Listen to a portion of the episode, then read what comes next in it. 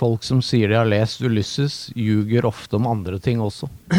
Eh, Men i dag er det altså nøyaktig 100 år siden eh, det aller første eksemplaret av James Joyces Ulysses kom rykende ferskt fra et trykkeri utenfor Paris. Eh, og det ble sendt med tog inn til Paris, der The Irishman, James Joyce, bodde, for at han skulle rekke å motta den på sin egen 40-årsdag. Sånn at 2. februar er både utgivelsen av Ulysses sin eh, dato, og det er James Joyces eh, bursdag. Han er 40. Da ble han 40, ja. Og verket regnes som et av de mest sentrale, men også kanskje vanskeligste å lese i moderne litteratur. Og med meg for å snakke om det har jeg, holdt på å si som vanlig, Karin Gundersen, professor i fransk litteratur ved Universitetet i Oslo. Eh, hun har utgitt en rekke bøker, bl.a. om Roland Barth og Marcel Proust. Eh, du har utgitt en bok som heter 'Hva Proust kan lære oss om tvetydigheten i alt som er'. Den ble utgitt på Gyldendal i 2013. Du står også bak eh, oversettelser av Stendal og Derrida, eller Stendal. Stendal. Stendal. Og Derrida, og du har vært redaktør for en mengde utgivelser, bl.a. Kvinnenes kulturhistorie, som kom i 1988. Du har mottatt Doblog-prisen og Kritikerprisen for dine oversettelser. Og du er tildelt den franske ordenen Palm Academic. Var det riktig uttalt? Det er sånn riktig. cirka? Ja. Ja, akademiske palmer. ja. Ja. Og du står bak den reviderte oversettelsen av Marcel Prousts 'På sporet av den tapte tid', som ble utgitt mellom 2013 og 2017. Det var noe av det du har gjort. Så er det Ole Robert Sunde. Debuterte i 1982 med diktsamlingen 'Hakk i hæl'. En roman debuterte i 1984 med den lange teksten 'Historie'. Og siden har det fulgt en rekke romaner, bl.a. 'Naturligvis måtte hun ringe' 1992 og 'Krigen var min families historie' fra 2012. Eh, Du er tildelt Aschehougprisen, Gyldendalprisen og ble nominert til Nordisk råds pris for 'Krigen var min families historie'. Og du vant P2-lytternes romanpris for 'Penelope er syk' i 2017. Og jeg heter Christian Clausen. Eh, debuterte som forfatter i 2008 med en novellesamling. Uh, så har jeg gitt ut noen romaner og novellesamlinger siden det. Og den siste jeg har gitt ut, heter uh, 'Den lille mannen fra Argentina'. Som kom, som kom nå i januar, da. Så det var litt om oss. Så skal vi over til James Joyce. Eh, han ble født i 1882 og døde i 1941. Ulysses ble altså utgitt i 1922, for 100 år siden. Og la oss begynne med tittelen. Hva betyr tittelen? Ulysses. det er, ja, hva det betyr Det er jo tatt latin fra Odysse, Odyssevs på gresk. Ja. Men jeg vet ikke hva, vet du hva det betyr? Ordmessig? Altså etymologisk? Det vet jeg ikke. Det er noen som påstår at det betyr ingen. ja. Ja, han kaller seg for ingen og, og, Ja, det, men det, det er visstnok en fantasi... eh, Ja, for at når jeg snakker med de som kan gresk så Når han blinde kyklopen og de andre kyklopene kommer, så sier han hva skjer? Nei, Odisi har blindet meg, og det er nesten det samme som Odyssevs. Ja. Men det betyr ingen, da. Ja, men han var jo veldig sleip og slu, da, Odysseus. Ja, Det er jo ikke Bloom, da. Så, nei, det kan du si. Men det viktigste for oss er vel at Ulysses er det latinske for Odyssevs, og Ja. at eh, romanen er på en måte en dialog med Homers Odysseen. Kan vi si noe om det? ja, ja, du har rett i det. For det, det, først, I det der skjemaet Ja. Det heter jo Telemakos. Og det er sønnen til som heter Telemakos. Det åpner jo med det. ja. Og da er jo Blum på vei til å sette seg på do. Kok kona. Nei, det er en veldig vittig bok. Også. Men, men altså det at, eh, at Ulysses, da, Joyces uh, epos, følger det samme rekkefølgen av begivenheter som Ja. hos Homer. Ja, i Det, Odysseen, ja. er, det har uh, uh, James Joyce selv sagt, ikke sant? Ja. Og, men er det Men hvor nyttig nyttig er den opplysningen? Jeg går litt for fort frem. Ja. Hvis du bruker skjema, Hvor, hvor nyttig er det for forståelsen... er det, det er nyttig også. Jeg Ja, har- ikke avbryt meg, Ole Robert. Hvor nyttig er det for forståelsen Det er- det er- av Ulysses? Ja, jeg vet det. Ja, jeg syns det var veldig flott. Altså. Når, Hva- hva når du leser sånn første Hva- gangen Hva forsto du mer når du Jeg vet ikke om jeg har skjønt noe mer, men Nei, jeg tenker litt på det at øh, den følger jo da øh, hovedsakelig én person, men også en student som heter Steven Dedalus. ja, det er to. Det er Bloom og Steven Dedalus. Ja, den følger jo Bloom gjennom ett døgn i Dublin. Det døgnet er da 16.6.1904. Og det er jo En torsdag. Ja, en torsdag. Og det er eh, den dagen hvor Joyce møtte den virkelige kona si, Nora. Det er 16.6.1904. Men hele romanen foregår i løpet av ett døgn. Men han opplever på en måte i symbolsk forstand, kan vi si, det som Odyssevs opplever i løpet av ti år i Middelhavet, i Odysseen. Ja, han drar ifra Kreta. Krigen varer i ti år. Så bruker hjemreisen ti år. Han er borte 20 år fra Penelope, som er kona. I, ja. Odysse, disse- i, i Joyce så heter kona Molly, eller Molly. Og det er tatt etter den hvitløken som, som, eh, som den flyvende guden fant. Når Odysseus skulle møte sine kriger som kirka hadde gjort om til griser, så sa han hvis du spiser denne her roten her, så blir du ikke gjort om til en gris. Og det, det var, altså, Linné mente det var en hvitløk. Den het Moly. Derfor heter det Molly. ja. Det er morsomt, da. Ja, det er morsomt. Men Ja. det som er morsomt med skjemaet, det er jo ikke bare det at det relateres til gresk. Det relateres til masse andre ting i boka. ja. Det er, det er utseender, og det er farger og hele greiene. Eh, Noe av det du så vidt var inne på, var jo det at i, i første utgaven av Ulysses er ikke disse Homer-titlene angitt i det hele tatt. Så det er bare en roman med kapitler sånn. Også, Ja, det gjelder jo også den oversettelsen, den danske. Den har og heller ikke Nei, og, og, sånn, og så, derfor så framsto boka veldig gåtefull for de aller fleste når den kom. Og så ca. ti år etterpå så kom det da det som er kalt Gilbert-skjema, hvor han sier at det kapittelet er den episoden i Odysseen. Det kapittelet er den episoden. Og, og da spør jeg kan Joyce ha skjønt at han hadde krevd for mye av leseren? Det står i, i leksikon at han gjorde det for en venninne. Ja. Lagde det skjemaet. Før det kom ut som et For at hun skulle Men han, han gjorde det sikkert for seg sjøl òg. For å ut for å vise hvor han hadde tenkt boka. For jeg tror det med fargen og kroppsdelen er veldig viktig i boka. Altså. Men altså, den, den som jeg har, og som jeg ikke har med meg nå, da Men en engelsk utgave Ja. av han Ellemann, han eksperten. Ja, ja, Og den må være, tror jeg, fra 60-tallet en gang. Og den har ikke disse Den som jeg har, den øh, står det bak. overskriftene. Den som jeg har, Nei, den jeg- penguinutgaven jeg har, Jeg der har står det- også en pingvinutgaven. der står det bak. Der, der er det ikke angitt, og det var sånn den ble gitt ut. Ja, Uten- det som jeg har, står bak. Ja. Du kan følge, men Men jeg tenker på om han Stuart Gilbert og Joyce kan ha, ha tenkt at leserne har jo ikke forstått dette her. Så derfor lager vi det skjemaet, så de Ja, skal forstå at det er paralleller til Odysseen hele veien. Nei, bare vil jeg nevne at jeg leste da den engelske. Ja. Uten sånne Uten henvisningene til Odysseen. ja. Eh, en gang utpå 60-tallet.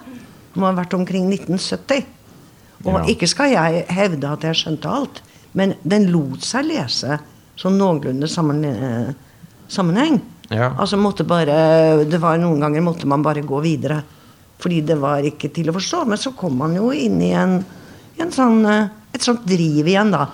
For det er jo innenfor hver episode er det jo begripelig. ja, den er på en måte laget over 19 stiler. da. Det er, det? 19? Den, altså det er 19 forskjellige stiler. Eller 18 Ja, ja, men det, men det er jo, gjør den jo ikke uleselig. Nei. Men for, for meg er det mer sånn en lærebok i å skrive. Også. Ja, ja.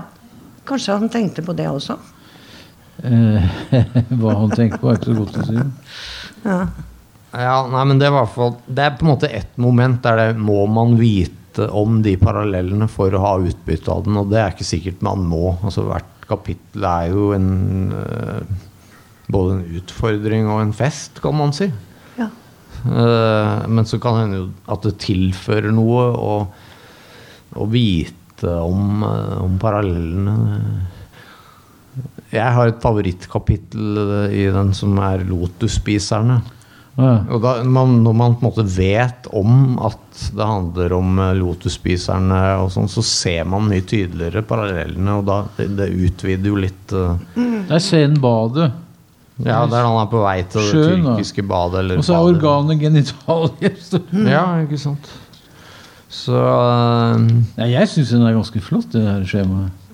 Ja, jeg òg. Jeg, jeg, Jo, jo. Nei, jeg konsulterer på en måte skjema. skjema. Jeg mente ikke at jeg hadde noe imot skjema. Men, Men du kan lese den uten skjema òg. Det har jeg gjort, selvfølgelig. ja, det, det, det var jo det jeg gjorde. Det var ikke noe skjema i den utgaven jeg Altså, det var ikke noe henvisninger til Odysseen i den utgaven jeg leste den gangen for antagelig 50 år siden, da. Jeg tenker litt på om Og, og, det, og likevel lot den seg jo lese på et Ja. vis. Altså, og, og, og, og det jeg spør om, det er om Det er ikke uleselig. Den er veldig hvis lettlest. man, altså. hvis man Det er ikke lettlest. Nei, men den er ganske enkel. Strukturen er enkel. Hvis man legger det der eh, skjemaet oppå, da, eller Mm. raster, eller hva vi skal kalle det, eh, forstår man da bedre det tross alt som er litt sånn gåtefullt og uutgrunnelig? Uh, For nei, men det skal jo være gåtefullt er utgrunnelig. Ja, men ja, det er jo men- det som er så flott med det. Du får ikke tak, du får ikke spikra den opp. Når så leser Harold Blooms når han sier det er en kamp mellom Joyce og Shakespeare, Ja. så prøver han å finne ut hvem er Bloom. Og Bloom er jo ikke ingen som er lik Shakespeare. Ja, men, Bloom, men Harold Blooms analyse, Ja. den gir jo mening. Eh, jeg er litt uenig i det. Jeg altså, leste den om igjen i går. Jeg syns den var så flott. Jeg leste i dag, ja. Ja, da slo det meg. Nei, men altså, Harold Bloom leter etter Hvor er Shakespeare? Hos Joyce så sier han det er sikkert Polly Bloom, som han kaller Poddy, er liksom ikke Shakespeare. Men det er jo det som er poenget. jo Joyce lager sin egen skikkelse. Ja. Det er ikke noe med Hamlet å gjøre. Det er ikke noe med faren å gjøre. det Ja, men kan det ikke være begge? Altså, Men eller kan det ikke være tre? noe helt annet, da? Eller alle tre eller fire? Ja, men men kan han, hvorfor må han være Jeg mener at han er større enn Shakespeare. Altså.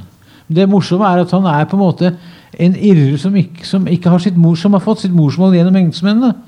Altså, Eng- altså, Irland har vært en koloni, og i den kolonien så vokser Irland, mener du? Irland, Ja. så vokste opp denne raringen som blir da denne veldig vi- merkelige fyren. Vi skal ta noe av det litt etterpå. Ehm, men bare for å avslutte det med det homeriske Min inngang til det var gjennom Homer. For jeg, i sin tid så var jeg på en studietur til Sicilia, og, og da ble jeg så opptatt av Odysseen og ble helt eh, frelst av, av, det, av Odysseen. Fordi at sicilianerne påberoper seg at flere episoder i Odysseen foregår der, geografisk. Ja, men Det gjør alle plasser i Italia som har med vann å gjøre. Ja, ja. Så det har Messina-stred, og de mener at Kyklopen bodde under Etna, ikke sant, den vulkanen. Så at, men for meg så ble det mye lettere seinere å erobre Ulysses, for å si det sånn. Fordi jeg hadde så kontroll på Odysseen. da. Så det blei mye lettere å se Å ja, det kapitlet. Leke med Kyklopen, og det kapitlet Ja, ja, ja. med kirke Ja, det er og ditt og datt. Ja. Ja. Men vi går litt videre fra det med Homer nå. Og så Neste punkt jeg har satt opp her, er Joyce og Prost, Knoll og Tott. Fordi at et, et sentralt element i Ulysses er jo utvidelsen av tiden. Det å ha en roman som kan, er på 600-700 sider, litt avhengig av hvilken utgave du har, hvor du har én dag som blir strukket så ekstremt i narrativ real time. Og det med tid og forståelsen av tid, det er noe vi forbinder med Marcel Proust på sporet av den tapte tid. Men kan vi si noe om forskjellene på romanstrategi mellom da Joyces Ulysses og Prosts på sporet av den tapte tid? Altså, Den er jo enorm. Altså, det er jo virkelig lang avstand med dem, mellom Ja. dem når det gjelder det du kaller romanstrategi. Mm. Altså, Proust-roman Du kan si Det er ikke noe humor hos Proust. Han er dritsur. Straks Nei, der er det- Ulysses Der er det på, er på 600 sider. På sporet av den tapte tid Er er på nesten 4000. Ja. Men den dekker jo da også Skal vi se fra, fra slutten av 70-tallet til, til 22 Hva blir det da? 45 år ca. 45 år dekker På sporet av den tapte tid. Altså fortellingen. Ja. Eller historien som fortelles. Mens her er det én dag. Så at bare det i seg selv gjør jo at det må Ja, det bli er stor forskjellige, forskjell på det. forskjellige teknikker. Men, Men, eh, det de har til felles, Harold Bloom sier at de to er det meste felles med det. Bloom. det de har til felles, det er jo bruken av tid. Eller, eller skal, hva skal vi si eh, Denne motarbeidelsen av den kronologiske tiden. Begge motarbeider kronologi. Eller kronologisk tid. Altså, eh, ved hos Prost altså er det, kan det være forskjellige tidsepoker, eller lag. Forskjellige, altså, Prost eh, omtaler også tiden som geologi. altså Det er forskjellig uh, uh, eh, Hva heter det for lag eh, Forskjellige bergarter. Altså, hvor man da kan uh, Plutselig så er det to forskjellige lag som korresponderer med hverandre. At noe fra fortiden dukker opp og er minst like levende som det var den gangen. Pga. en likhet mellom det du opplever nå, og det du opplevde da. Altså, Det er da pros, altså som oftest, men det kan være andre forbindelser også. Men de har jo felles i det poenget er- enorme romanprosjektet. Poenget altså. er problematiseringen av tid. Ja, og det er det er, bare det jo også i Ulysses. Og der er det også forskjellige tidslag. Ja. Eh, Du bruker et begrep i din bok om Prost, og det er omnitemporalitet. Ja, om, altså alle tidsnærvær. Ja, At alle tider er nærværende Nettopp. samtidig, på en måte. Det er de, altså Potensielt er de der alle sammen. Ja. Men de, de må jo hentes opp, da, eller noen ganger dukker de opp av seg selv. Men sånn er det vel også i Gulysses. Altså at denne, disse forskjellige tidsepokene krysser hverandre og utfyller hverandre. Spørsmålet er er det mer på fortellerens plan i Ulysses enn er det for de enkelte personene. Er det, er det, er det, er det Leopold Bloom? Er det han som opplever at det kommer At tids... Ja, Og at bokene krysser hverandre? Er Stephen Daydal du så, begge to. Ja, hvem er fortelleren her? Ja, det er i hvert fall ikke Bloom, for han omtales i tredje person. Ja, det er et godt spørsmål. Altså. Nei, det er jo forskjellige fortellere i hvert kapittel. Det er, det er 18 kapitler og, 18 forskjellige måter å skrive på. 18 forskjellige forskjellige Ja. teknikker. Fordi hos Prost er det i hvert fall sånn at, eh, at det er eh, det er jeg-fortelleren, som det jo også handler om. Det er han Skal bli forfatter. Det er er han som opplever denne, eh, denne at, at tidsepokene krysser hverandre. Det jeg Men tenker det er er at det vel ikke hos uh, Jås, er det det? Nei, jeg tenker kanskje at, at Joyce er hakket mindre pedagogisk. At uh, der går de bare rundt i Dublin, ikke sant? og så plutselig slår et minne inn, og så tilbake igjen. Ja, og hos personen? hos Bloom, f.eks. Ja, det gjør det, ja. ja men da blir det sant? likt, At han husker plutselig mm, hun eh, Molly, hvordan hun var. Når Ja, ja, ja, men da er det jo Og så er det tilbake Ja, for nå. dette kunne ja, der har jo det omnitemporalitet, tenker jeg. Da. Det at ja, ja, alle da- da tider da kommer og går veldig. hele tiden. Da Ja. ligner det jo veldig. Sånn. men, eh, men det er vel også sånn at forfatteren, da, eller fortelleren, eller hva vi skal kalle han, det spiller så stor rolle, at han også har konstruert sin roman sånn, altså Joyce, Ja. konstruert den sånn at disse forskjellige tidslagene, de er der virtuelt hele tiden.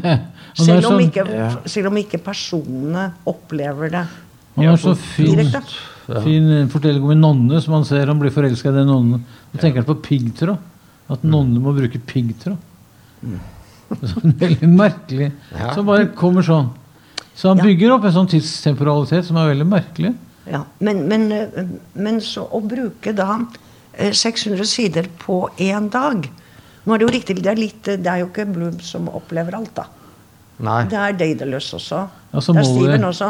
så det er litt parallelt, og Molly hun opplever sitt. Ja, Sånn Også de som er på hotellet og Det er ikke én, er ikke én tidsopplevelse. Nei, det er Det flere. er, det er flere parallelle. Ja, ja, ja. Så da er det klart at det kan bli litt mer, da. Bli lenger da. Ja, det blir fort lenger. Men likevel er det jo veldig langt på én Ja. dag. Og jeg tenker på at hos Pros så, så er det Ja ja, det er jo 3000-4000 tider, da. På, hva var det jeg sa? men jeg tenker på han er kanskje mer pedagogisk i form av at han begynner å erindre i første bind, og så forteller han oss på en måte hvordan han graver i minnet, og, og så har han lange eh, beskrivelser fra f.eks. badebyen Balbec. Ja, ja, ja. Over 200 sider fra det han opplevde der. Mens i Joyce er det mer at disse karakterene hele tida det strømmer inn og ut hele Ja. tida. Ja, plutselig det er en helt annen måte å tenke på. Ja, men, det er, ja, men det, Joyce er modernist på en måte som ikke Prost er. Ja, men Prost Altså, er også Prost modernist på en annen med- måte. Prost er, står med minst ett ben i det 19. århundre. Altså Ja, men han gjør jo den noe- klassiske romanen. Ja, på en måte, men det er feil, det òg. Ja, men han, han gjør begge deler. Han er som Dante. Ja, men altså, hvis du sier at Balzac ligger i bunnen der, da, eller Flaubert Ja, men han er jo veldig langt fra Balzac. Ja, ja, men han gjør enormt merkelige ting. Altså. Ja, men han står med ett Altså, du vet hva man pleier å si om Dante? Han står med ett ben i middelalderen og ett i renessansen. Ja. Så han peker i begge retninger. Jo, jo, Det samme gjør Prost. Jo, han står med ett ben i den klassiske romanen fra 1800-tallet, og så peker han fremover i, eh, på 1900-tallet. Helt fram til franske nyroman, faktisk. Ja. Sånn at Prost er enormt vid, omfattende. Ja, Der er. Joyce er mer Der er han på en tross alt da mer eh, rent modernist. Alle de franske nyromanene, sånn som Claude Simon, er veldig opptatt av Prost. For det tenkte jeg når jeg leste nå gjennom Båten om kvelden av Vesos, for det er jubileum for Vesos neste år. Det er 100 år siden han ga ut 'Menneskebånd'. Og da opplevde jeg eh, så, nærmere Du kan godt se med Kim så skjer et skifte med Vesos. At jeg kanskje har lest Faulkner. Men med 'Båten om kvelden' så er jeg nærmere ny, franske nyromaner. Altså. Ja, men Ja. Vesos, så når jeg leste en bok, så skjønte jeg ikke en dritt, og det er veldig bra. ja, men Vesos han var, han var radikal, han, i sin Ja, skrift. veldig egentlig. stein tøff. Både i tematikk og skrift. Han var stor, han større enn jeg tror egentlig mange anerkjenner han Ja, som ja. i dag. Vesaas blei vel mer og mer modernist jo eldre han blei, egentlig. Ja, men den båten kvelden er jo siste han ga ut. Det er 1967, den er veldig tøff. Ja. Ok, men uh, en, et punkt jeg har, jeg har tenkt her, er Ulysses ble da utgitt i Paris i 1922. Kan vi si noe om det litterære klimaet i den byen akkurat da? Ja, altså det er, Kanskje du også skulle si hvorfor, hvorfor ble den utgitt i Paris? Ja. Eller vet kanskje alle? Hvorfor ble den ikke utgitt i Dublin da, eller i London? Altså nei, Den var så, den ble sensurert bort. Ville ikke, Ingen ville utgi den fordi det var så mange sexscener der. Han sitter på og driter en plass som er jævlig flott. Ja, altså det er, De er jo ikke så veldig sexy, da. Nei, utedo er jævlig flott skrevet. Men altså, det er jo ren sex. Overskrider jo alle tabuer i løpet av de Det er jo, ja, han gjør det. Ja. Men det var ikke ja, ja, derfor han nei, dro. men, Han- ja, men her skal vi huske det at han er ikke den første som lar noen sitte på do. I, i, i, det gjorde Rabelais på 1500-tallet i fransk litteratur. ja. Men det var jo ikke var- derfor han var i Paris. der, der gjorde de både det ene og Han dro jo fra Irland fordi at han ikke ville bo i Irland, fordi at han var dritforbanna på den katolisk, katolske kirke. Ja, ja, ja. Men i hvert Det er mange dro, grunner der. men han dro til Paris. I Paris var de mer frilynte, da. Der var jo Hemingway og T.S. Der, Eliot. der, der, utga de, der hadde de ingen problemer med å utgi en bok som var veldig erotisk også. Nei. det er 26 franske settere som ikke kunne et ord engelsk. Det er ganske Jo, utrolig. ja, så var det en historie om at det var én av de på strykkeriet som kunne engelsk. Og, Og det han det. brant et helt kapittel når han skjønte hvor smutty, smutty det var. Ja, ja. Sånn at Ja, det ble forsinkelse være- forsinkelse i, i tryk, trykkingen. Ja, han syntes det var så fælt Han syntes det var så dristig at han Han ville ikke at kona si skulle lese noe sånt. Nei, nei, nei, nei, det kan man forstå. Ja. men i hvert fall, det var jo et, Joyce kom jo da til Paris i 22, var det ikke? Kom han ikke dit Ja, i han det kom året? dit i, i 1920. Oh, ja, han, han hadde bodd der i to år. i- i- ja. Han hadde bodd der i to år, ja. Men det var jo et blomstrende litterært eh, miljø på 20-tallet. Og surrealismens store Elios og. Ezra Pound og hele gjengen der. Og så var jo, var jo Altså Prost han, Prost døde i 22, da. Men, eh, men også var det de amerikanerne. var jo der. Amerikanerne, Gertrude Stein Ja. og Hemingway. Hemingway. Uh, Scotts Fitzgerald, Ja. tror jeg.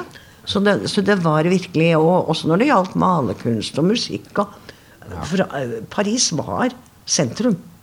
Ja, så det var det rette stedet å gi ut Ja, ja, ja. en banebrytende, Det var det kulturelle roman sentrum som ja, i brøt alle Ja. datidige ja, der har jo franskmennene alltid vært mer liberale, da. ja. Ja, og ikke så De har det, og det tenkte jeg på når jeg leste om Henry. Miller. Henry Puritansk. Miller måtte jo utgi sine verk i Paris. Ja, En puritansk franskmann, det For tror jeg det- ikke fins.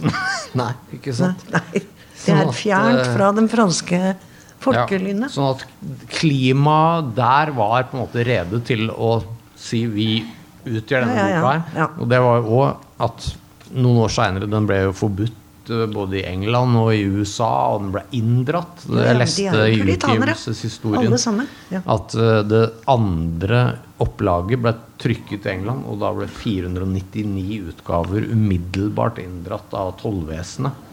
Så var det én utgave de Rart greide å, å få unna. Ja, ja, Nå er jo ikke lenge siden vi forbød sangen om den røde rubin da, av Mykle. Nei. Men Paris, ikke sant, der har vi Det var på en måte det rette sted hvor den, den omsider da kunne Ja, bli utgitt. da. Um,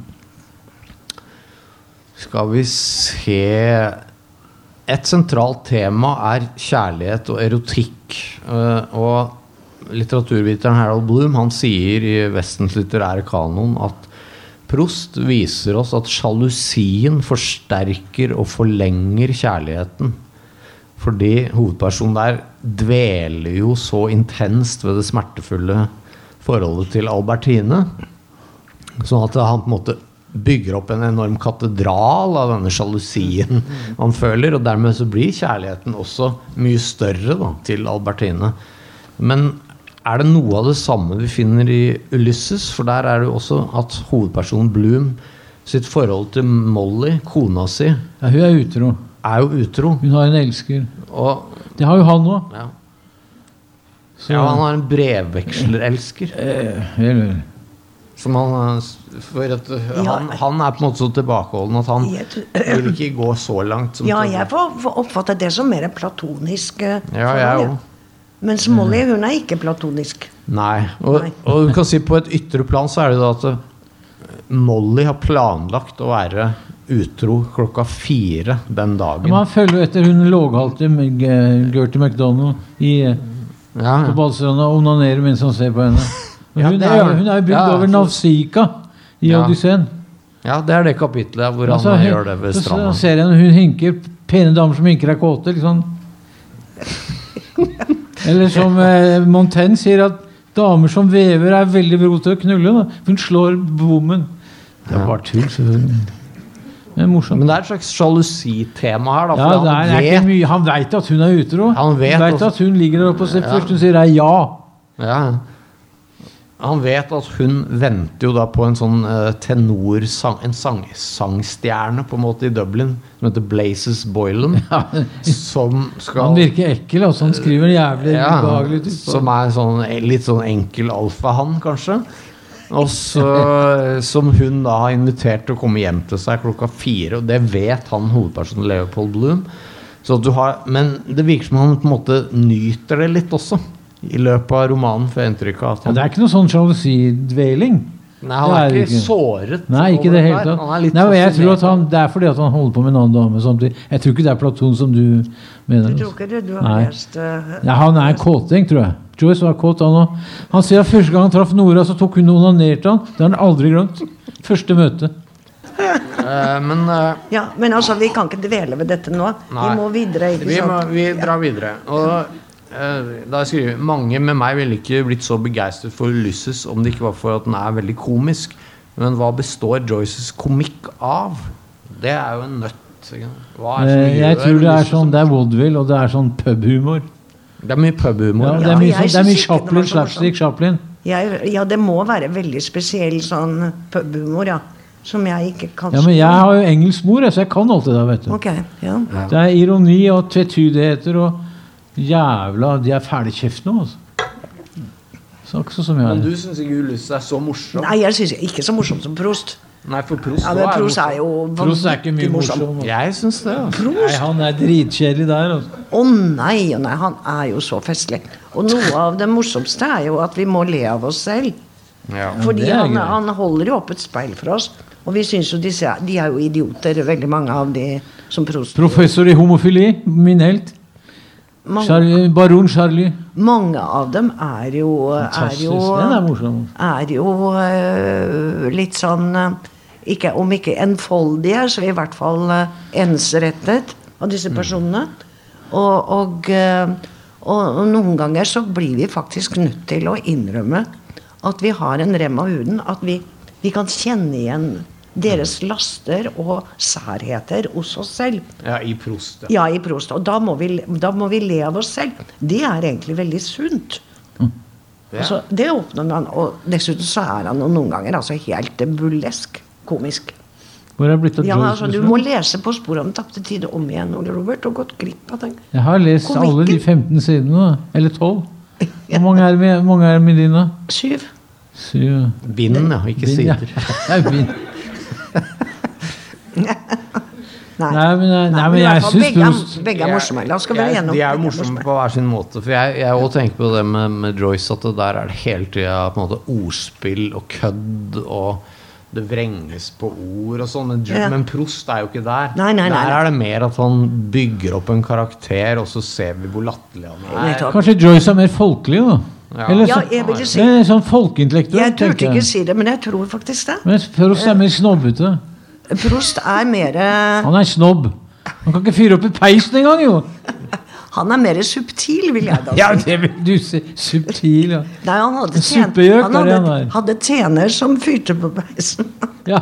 Han hadde fyrt opp peisen hele sitt liv, for han har en tjener som gjør det. Det er derfor de frøys så jævlig, de kunne ikke få fyr på peisen i, i England, i svære slottene. Men britene Det er veldig morsom, denne historien. Dere kan den historien om da Joyce og Proust møttes i Paris? Jeg, jeg, jeg De møttes det. én gang. Ja, en gang. Ja, det fins forskjellige varianter av den. Ja, Men de møttes faktisk Ja, det vet jeg. eh, en gang i juni. Var det 14. juni eller noe sånt? Eh, nei, det var kanskje Bloomsday, det, som er 14. juni. Nei, det er 16. Mm. Ja, ok, Men det var i hvert fall en gang i juni i 1922. Og det var i anledning Like før han døde, da. Ja, han døde i november. Han dør i 22. I november 22. Ja. Men altså, dette var eh, Dette var da et selskap hos eh, Jeg husker ikke hvem, men i anledning av at den russiske balletten var i Paris for å fremføre Stravinskijs 'Ildfuglen'. Altså operaen og, opera og ballett. Ja, altså det var, og Prost han elsket både ballett og han elsket opera Det tror jeg ikke Joyce gjorde. Ja. og Stravinskij. Nei. Og der var det da et, eh, et selskap med veldig mange fine mennesker. Altså hele, hele kultursossen i Paris var der. Pluss noen som ikke var så veldig kulturelle, men veldig adelige. Og da ble de jo ført sammen, da, de to og alle. Folk ventet jo spent på de to store dikterne. Hva kommer de til å snakke om? Og, og Så snakka de bare om sjokolade. Spent. Nei, nei, ja, det, det er en Det er av en variantene. ja. ja. Men den, den morsomste syns jo jeg da det er den Jeg kan godt ta begge to, eller alle tre, men den morsomste er den hvor, hvor da, de sitter ved siden av hverandre. da. Og ifølge øyenvitner så var jo da Joyce han var temmelig påseilet. Og ikke veldig elegant kledd. Han, han så litt sånn eh, ganske russete ut, Mens jo på da var elegant, selvfølgelig, og i pels. Og selv om det var juni, så hadde han pels. Fordi han frøs bestandig. Han vant til å sitte inntil peisen som han ikke fikk fyr i. Men de satt jo der ved siden av hverandre, da. Og så spurte, og så spurte Prost høflig den andre Si meg, kjenner de hertuginne sånn og sånn? Og så en liten pause, så sa Beckett nei. Du mener Joyce? Lang pause igjen. Nei, Beckett, Joyce mener jeg. Lang pause. Og så sa Beckett Har de Joyce. Nei, Joyce. Ikke det. Men de er jo irer, begge to, da. Ja, ikke sant? Ja. Og så sa Joyce «Eh, eh, Har de lest min bok? Pause. Nei, sa Prost. Det var det.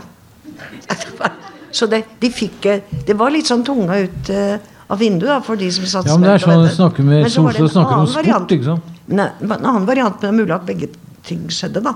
Det er at eh, Beckett han, klaget, han begynte med å klage over 'Å, men jeg ser så dårlig. Øynene mine, det er noe i veien med, og jeg har hodepine hele tiden.' Uh, og så sa Prost 'Å, men jeg har så vondt i maven.' Altså, det plager meg sånn. Dag og natt har jeg mavesmerter. Det var den Det er den andre historien. ja. Ja, for jeg har hørt det at de, de snakka om Ja. helseplager Nei, og noe- om sjokolade. Ja, men, og, og, og, og Joyce, ja. han har jo da nevnt uh, Prost et eller annet sted. Han, han har referert til det i et brev eller noe sånt, at han hadde møtt Prost. Og i samme anledning, så vidt jeg husker, så sier han han har prøvd å lese på sporet Han tapte tiden. Han syntes den var så kjedelig. Han syntes ikke det var noe. Sa Joyce. Ja. Ja, men han, men han, ble, han eh, ble jo spurt hvilken bok du hadde med på en øde øy. Så sier han jeg kunne godt tenke meg å ta Dante, men det blir nok Shakespeare. Ja. Så det er noe Shakespeare-Joyce. Og Ja, ja, ja, selvfølgelig. Ikke Proust. Ja. Men, eh, mens derimot Proust Der har man jo også alle dokumenter, ikke sant? men ikke noe sted har Proust sagt et ord om Joyce. Nei. Nei. Men han hadde jo da heller ikke lest Ulysses, han sa jo det. Nei, Men det er jo, han var jo Han kunne nok noe engelsk, men Prost, Proust, men ja. Men, men det spørs om det var nok til å Man Han hadde vel overhodet ville opp forstått. esere, da, tenker jeg. De var i hvert fall som natt og dag, de to. De var det, og de regnes som de to største i modernismen, må man vel kunne si. De to mest toneangivende. Uh, en annen ting de på en måte har felles, er at Prost var jødisk, og at uh, Joyce sin hovedperson Bloom er jøde. Men eh, jeg vet ikke om vi skal si så Ja, mye om det. Nei, jeg snakker med bilen med For at Harold Bloom sier at han er ikke jøde, han er faen meg katolsk katolikk. Ja. Men han er jo jøde i fødselen. da. Men, men ja. Han tror ikke helt på Nei, han at han skal det. være jøde, liksom. Men skrivemoten hos Joyce, eh, er det mulig skal vi si noe mer om den? Eh, og at Altså Du må lese med humor. Du skjø- skriver jo lange, fine, elegante, poetiske setninger. ikke sant?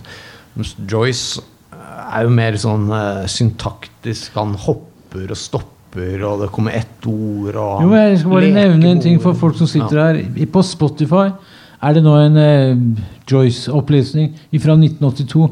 Gjort av irske skuespillere. Og så er det også en, eh, to professorer som tar for seg hvert kapittel. Det er verdt å få med seg. Altså. Man kan lese en engelsk mens man hører opplesning. Det er, så kjempe, det er veldig bra. Det er jo Altså. alltid fint å høre Ja, det er, det er altså, man burde, Det er man burde lytte mye mer til bøker, fordi da kommer de jo frem. Altså, Mm. Da kommer de til sin rett, syns jeg, på en helt annen måte. Det er fint å lese innad òg, men også å høre rytmen i språket. Ja, hvis det er gode skuespillere, så Jeg husker vi hadde Bloomsday på Litteraturhuset i 2015, og Jan Grønli leste opp hele det nest siste kapitlet. Han holdt på i fem timer. Altså. Det var flott altså, å høre på. Ja. Ja. Altså Veien videre for Joyce etter Ulysses var at han brukte 17 år på Finnegans Wake, som er en roman som er helt full av bare ordspill. Og ordspill på engelsk heter pønn. Ikke sant? Og Vladimir Nabokov kalte Finnegans Wake for Punnigans Wake. At det, Men, det er var bare litt, men det er litt handling der òg. Er det ikke en som holder Ja, på å det dø? foregår om natta, og det er ved Det er en som holder på å dø. det er i Dublin. Det skal liksom være nattversjonen av Ulysses. Men det sier kanskje noe om Joyce sin språklige orientering. Den blir jo han- oversatt nå til hadelandsk. Ja. Dialekten av Leif Haughaug. Ja. Eh, men eh, jeg syns det er dead end. Altså. Brukte 17 år på det. Tok nesten livet av han. Jeg har aldri møtt noen som har sagt at de har lest Finnegans Wake. Eh, For den er helt umulig å komme Men det er tøft gjort òg. Helt på kanten. Altså. Altså, jeg har ikke prøvd det engang. Jeg har ikke prøvd det engang, ja. Men da jeg leste i går, da, var går, ja. Harold Bloom skriver om uh, Han er veldig glad i Finningen Wake. Da fikk jeg faktisk lyst til Ja, å lese Finningen Finnegan's Han skryter av Finnegan's Han greide å gjøre den uh, lekker. Jo, men han har gjort den i forlengelsen av den derre sinnet på at man skal slutte å lese Hemingway. Nå skal man lese street, sånn gatesmarte latinamerikanske forfattere for at studenter skal greie seg i hverdagen. Det er det dummeste jeg har hørt. Ja, det er ikke Blum som mener det. Nei, han skriver om det, for han Han skriver mot om de som eh, vil ha det sånn, ja. Ja, ja. Ja at det til og med Hemingway Way blir for vanskelig. Er ut. Da, er det ikke, da skal det ikke mye til. Da er det ikke mye håp. Nei, det er ikke mye håp. Men uh, hva med oversettelse uh, Hva um, den, Vi har jo en norsk oversettelse. Ja, den er dårlig. Altså. Den kom i 1992. 2,93. Den er Ja, Olav Angel er Olav Er dårlig. den Angel, dårlig? så det tok Den er kjempedårlig. Den her er mye bedre danske. Den Ja, og så har vi en dansk oversettelse. Ta, vis fram den. Er flott. 800 sider. Den, den ligner ligner veldig da. veldig på hvordan førsteutgaven av Ulysses så ut Ja, du så på, i omslaget. Ja. Mm. Den er vakker. er, Altså. Karsten Sand Iversen har oversatt den. Det er en danske. Jævlig bra gjort. Altså. Han har jobba virkelig steinhardt. Og han følger jo Der Joyce setter kolon, nei, semikolon, så gjør han det samme. Eller kolon. Også der hvor han eksperimenterer med språket, sånn som i 'Solgudens okser' eller i 'Sirenene', så kjører han samme stilen. Altså Han greier på en måte å holde seg Og det er, det er, det er, det den er vanskelig delen av Eller i kapittel fire, når som også han, Harold Bloom snakker om når Stephen Dedalus begynner å snakke om Shakespeare Mm. og snakker om spøkelse, farens spøkelse. Det er, det er hvor Joyce prøver liksom å tenke noe nytt noe om, Mm. Finnegan's- eh, nei, om Shakespeare. Det oversetter han kjempebra. Altså. Nei, det er virkelig imponerende gjort. Altså. Men den norske oversettelsen er du ikke så glad i. Nei, den er dårlig. Ja. Jeg, Jeg, jeg snakka med han dansken, og sa at han sa jeg heiv den med en gang jeg hadde lest den. Ja. Jeg òg tenkte når jeg leste den norske oversettelsen, at uh, den var uh, så, det ordet 'studentikos'. At det er mye sånn mm, studenthumorforsøk. Ja. Han har vel brukt uttrykk fra sin egen ungdom, da. Olav Ja, ja. sin egen Ja, men han følger ikke oversettelsen, altså. Nei. I, I den neste kapittelet, vannkapittelet, der er det kolon. Det setter han bare komma. Og det syns jeg er slurvete. Altså. Ja, det er slurvete. Det er helt enig. Står det kolon, så skal det være kolon. deg. Og ikke semikolon. Nei. Nei, men altså, Dette har jeg holdt på med hos Prost. Da jeg reviderte den eh, norske oversettelsen. Ofte altså gikk tidlig til sengs. Ja, det er nå én ting. Men, men, men altså tegnsetting altså det, det har nemlig For det, det hendte, da. At, og det med lange setninger som er sånn det mener, Ofte går det en hel side fra punktum til punktum. Og vi har ikke Det er ikke så lett å, å, å, å, drive akrobatikk med norske bisetninger som det er med de franske. For de fransk, Men franske grammatikken, der bøyes jo både adjektiver og partisipper. Og, sånn at du kjenner igjen hva som er hanskjønn og hva som er hunnkjønn. Hva er flertallet, hva er det. Men, og der, så noen ganger så måtte da Lisa brekke opp eller sette inn en parates og så videre, som ikke sto der. Og det har jo selvfølgelig ingen reagert på. Men mens da jeg begynte med den revisjonen, Jeg husker hvor forbanna folk var på det. Altså. da kom det ut Gud, så overraska jeg ble på det. Altså. Hva da? At, Jeg var på det møtet på Gyldendal Ja, ja, ja. hvor dattera gikk i protest. ja, ja, ja. Jeg snakka med henne etterpå. Det er helt vanvittig. Altså. Ja, ja, men hun har kommet over det nå. Men i hvert fall Ragnhild eh, sa det det var kom- blasfemi, sa Ragnhild. Det er helt vanvittig. Sterke følelser om oversettelse. Ja, ja, ja. Herregud. Ja, nei, altså, det, det, ja, det var veldig overdrevent. Men, men i hvert fall. Nå kommer jeg endelig til poenget. Det kom en doktoravhandling ut i Frankrike. Eh, samme år. Eller jeg hadde begynt på første bind. Men jeg var ikke ferdig med det å rette opp. Og da kom det ut en avhandling om tegnsetting hos Prost. Altså tegnsetting som en del av kunstverket. Ja, selvfølgelig. Eh, og, altså en doktoravhandling på 350 sider om tegnsetting. Og blant annet om Hvis det er en parentes, så er det noe Jo, det annet samme- enn semikolon osv. Og da måtte, det betyr at han har ment noe annet med det. Og da måtte jeg jo begynne fra begynnelsen igjen. Ja, men du husker jo Og, og så ta med all te- tegnsetting og gjeninnføre Prosts tegn. Men du husker jo den krangelen som var når Solstad ga ut den siste boken Bjørn Hansen i Klassekampen? Ja, ja, ja. For de mente han ikke kunne sette komma. Men han setter jo komma på pusten. Ja, har du hørt hvor nevrotisk han leser? Så er det klart han, ja, altså, må bare drite i. Han må sette komma der han sjøl vil. Ja, men det, det er Prost også det setter komma der hvor han syns. At det skal være. Fransk har jo enda Nei, men altså, Solstad ble så forbanna om ikke kjøpe Klassekampen mer. Han ble rasende. altså. Han var kanskje litt følsom der. Da. Fransk har enda mer innviklede kommaregler enn norsk. Ja. Jeg mener at man, må, noe må bare blåse i det. Ja, ja, og men sette der du sjøl vil. Ja, men derfor så må man da respektere kunstnerens Jeg er egen, enig. Helt egne Ja, for det er pusten. Det er pusten, ikke sant? Det er det jeg mener. At komma, semikolon, er noe annet enn kolon. Jeg er helt enig. Men kan, eh, kan man få fullt utbytte av Ulysses i en oversettelse? Hva sa du? Kan man få fullt utbytte av Ulysses i en oversettelse, eller er det alltid noe som mistes i en oversettelse? Ja, du mener Ulysses, da? Nå mener jeg Ulysses. Ja. Altså, Men du kan òg si noe om På sporet av Altså, nå har jo ikke jeg lest Angel, jeg, da. Nei. For, og, og heller ikke den danske, fordi jeg har bare lest den norske. Nei, den engelske, mener jeg. Originalen.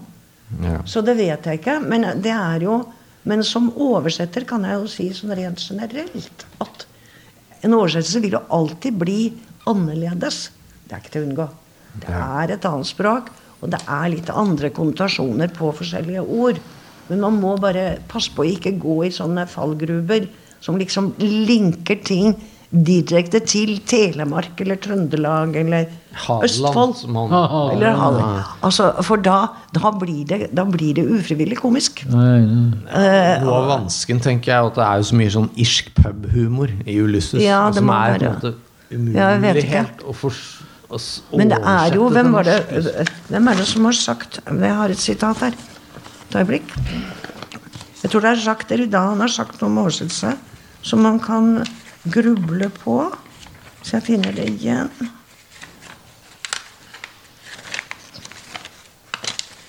Jeg klarte ikke å gå glipp av noe, men det er jo også flott at det oversettes bra.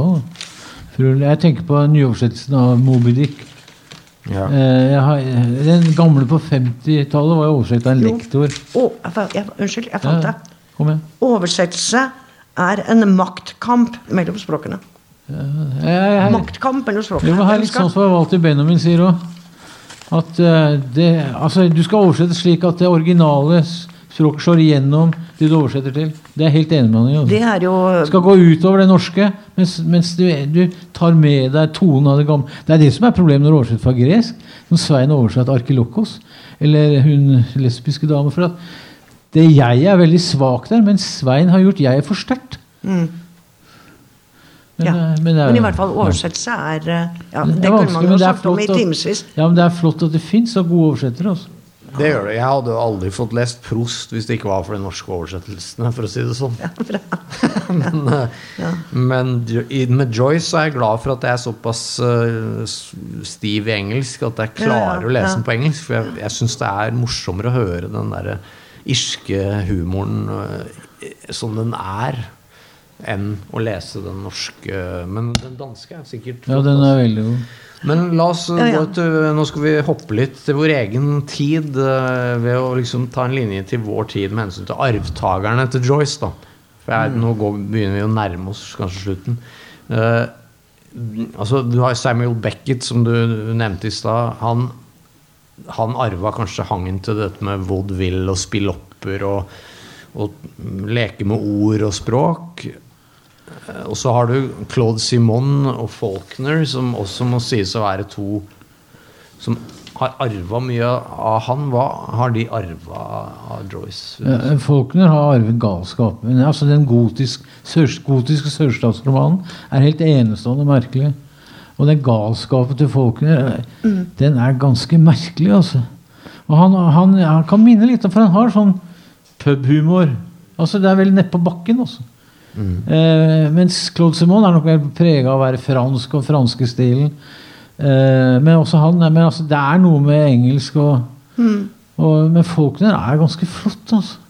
Husker første gang jeg leste den her 'Larven og vreden'. Jeg, jeg var vel i 20 år og skjønte ikke en dritt. Men etter hvert så har jeg lest mer og mer.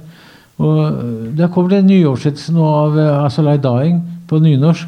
Ja. Det Eh, så jeg omtalt. det hva het den? 'Framom døden'. Ja. Jeg syns det var litt dårlig oversettelse. Ja, Hvis jeg lå, dårlig. Kona ligger og syk på soverommet, sønnen snekket kista hennes. Nei, typisk folk Altså. Men altså Men Claude Simon arver vel mer fra Prost, kanskje, Ja, ja, gjør det. ja, gjør det. altså dette med indre monolog eller sånn uh, Ja, stream of Stream of consciousness. consciousness, som franskmennene kaller indre monolog. Ja. Ja, Det er vel felles for eh, For begge to. Og der var de revolusjonære, kanskje. Ja, ja, ja. Ja. ja. Beskrivelse av bakken, landskapsbeskrivelsen til Prost, er jo fantastisk. Nei, til Joy, Claude Simon, mener jeg. Ja, Det ja. er jo fantastisk, altså. ja. Altså Hvilken forfatter han er. Han er kanskje en av de største franske var, da. Han er død nå, da, men den der eh, historien er en fantastisk bok, altså. Mm. Sor. Ja, helt klart. Nei, Men, hvis vi går men jeg enda vil jo lenger si videre at ja. han som sitter til venstre for deg, har jo ja, han har arvet mye fra, fra Det Joyce.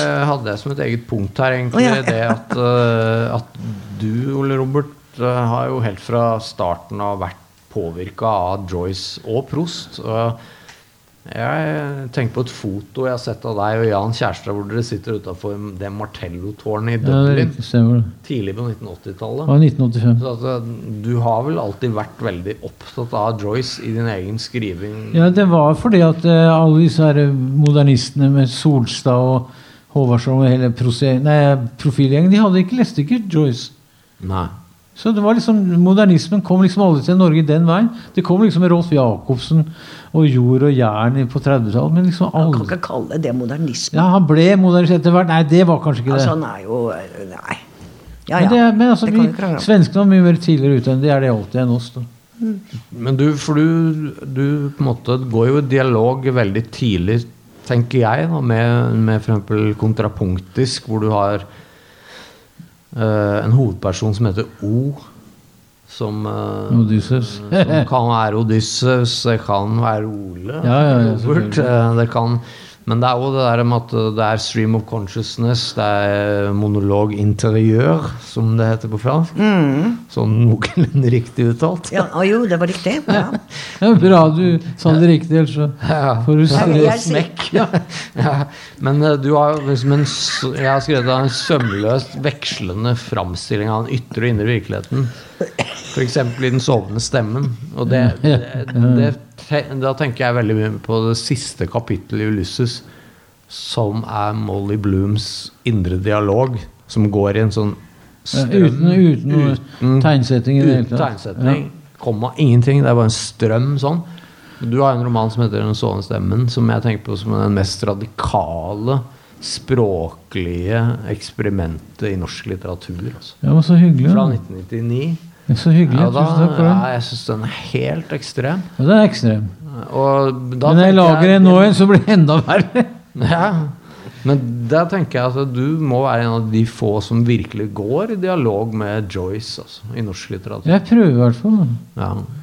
Eh, Men det er, jeg, jeg får lest meg på litteratur. Du har Dante, du har, du har Claude Simon, du har nyromanforfatteren, du har Prost. Ja. Når du har lest veldig mye, så får du sånn Det er det Roland Barth snakker om i Litteraturens nullpunkt. Det slår opp ekko av alt det du har lest. Ja, litteratur lages av litteratur. Ja, nemlig. Gjør jo det. Ja, Og det er derfor det er så mye dårlig Det snakket vi om i bilen. Det er så mange dårlige bøker som kommer ut nå. Ja, det er Fordi mange de som er unge forfattere nå, de har jo ikke lest noe. Ja, når jeg er lærer på Bergen og i Bø, så har, så har de lest én bok, og det er Sobe Christensen. Eller som skal bli forfatter. Hva faen er det, da? Én bok!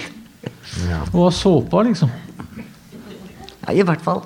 Men uh, til slutt, for nå skal vi avrunde uh, tror jeg, Det er sånn cirka med tid at vi avrunder nå. Uh, men vi, hvordan få noen til å lese Ulysses? Må man først lese en del om Ulysses, eller kan man bare begynne? Kan begynne på Spotify først. Ja. Altså, Med engelske utgaver. Jeg hører på. Det er jævlig flott skuespiller. Irske, dyktige skuespillere laga i 1982. ja. Men altså jeg som er lærer, for det er jeg jo også, det har jeg vært i hele mitt liv. Jeg vil jo da si fra en pedagogisk synsvinkel, når det er et såpass eh, vanskelig verk som- på biblioteket, vanskelig verk som Ulysses, da vil jeg anbefale å lese noe om først. ja. Og så og ikke gå rett på, da. Men det er jo fra et lærersynspunkt. Finne en vei inn til det- verket. Kjøkkeninngangen, som han sa. Ja, ja, og da kan Ta man jo- toget til Venezia og kjøkkeninngangen. Men da kan man jo selvfølgelig Enhver enhver tolkning av Ulysses vil jo være forskjellig. Sånn som vi ser, ikke sant. Som Mhm. Blooms er jo veldig idiosynkrastisk. Altså Han ser jo Shakespeare i alt han leser. Ja, Det er egentlig skuffende med Harold Når han leser Joyce, så ser han Shakespeare. Men altså, det er jo Men, men hvis, du, hvis du leser sånt først, og så får du, blir du konfrontert med, med teksten etterpå Det finnes som lydbok. Det er 25 CD-er. så har du på en måte noe å sette å yte motstand mot. ikke sant? Fordi Mm. da leser du og sier 'Nei, men jeg syns ikke det er sånn som han sa'. Eller. Og Det er litt snusfornuftig, men det er Da er du allerede i dialog med teksten. Og en så vanskelig tekst må man nesten snakke med når man leser den. Ja. Jo, kanskje. Kanskje det er det. Jeg har hatt veldig bruk for en sånn gigautgave av Ulysses som bak har 100 sider med en måte, hvor det går gjennom hvert kapittel. Hva er parallellen til Ja, ja, men det er kjempenyttig. Homer? Ja. Og det har vært en sånn klargjøring. Og, og, og at man blir på en måte forbausa over hvor genialt det på en måte er. Da. Jeg husker den danske som ble oversatt til norsk. Der hadde dere en ordliste. Med Ja. sånne rare ord som Joyce man- bruker. Det er mye sånn Man trenger hjelp for å komme gjennom den. Altså. Det er mye ord som er veldig merkelige. Ja, ja, ja, ja. Et lokalt poeng som jeg ville ha med, var at Odysseen Å ja, sin er der, første ja. bokmålsoversettelse den ble faktisk gjort i Drammen av Stemmer. Peter Østby, som var rektor ved Drammen latinskole. Han tok Iliaden òg, da. Ja, Hans oversettelse av Odysseen ble ferdigstilt og utgitt i 1922. Samtidig altså akkurat samtidig som Dette er jo fantastisk. Ja. Og han tusla rundt på Strømsø torg og- mens han oversatte Odysseen. Og det var bare et lokalt poeng. Og det er en veldig god oversettelse også. Ja, det Ja, Den jeg har blitt stående i 100 år Altså, som den si. beste Odysseen. Altså, det kan Drammen Ingen skryte har av, det også. rivalisert den. Nei, men da sier vi takk for oss. Ja, takk, så, takk for at dere kom.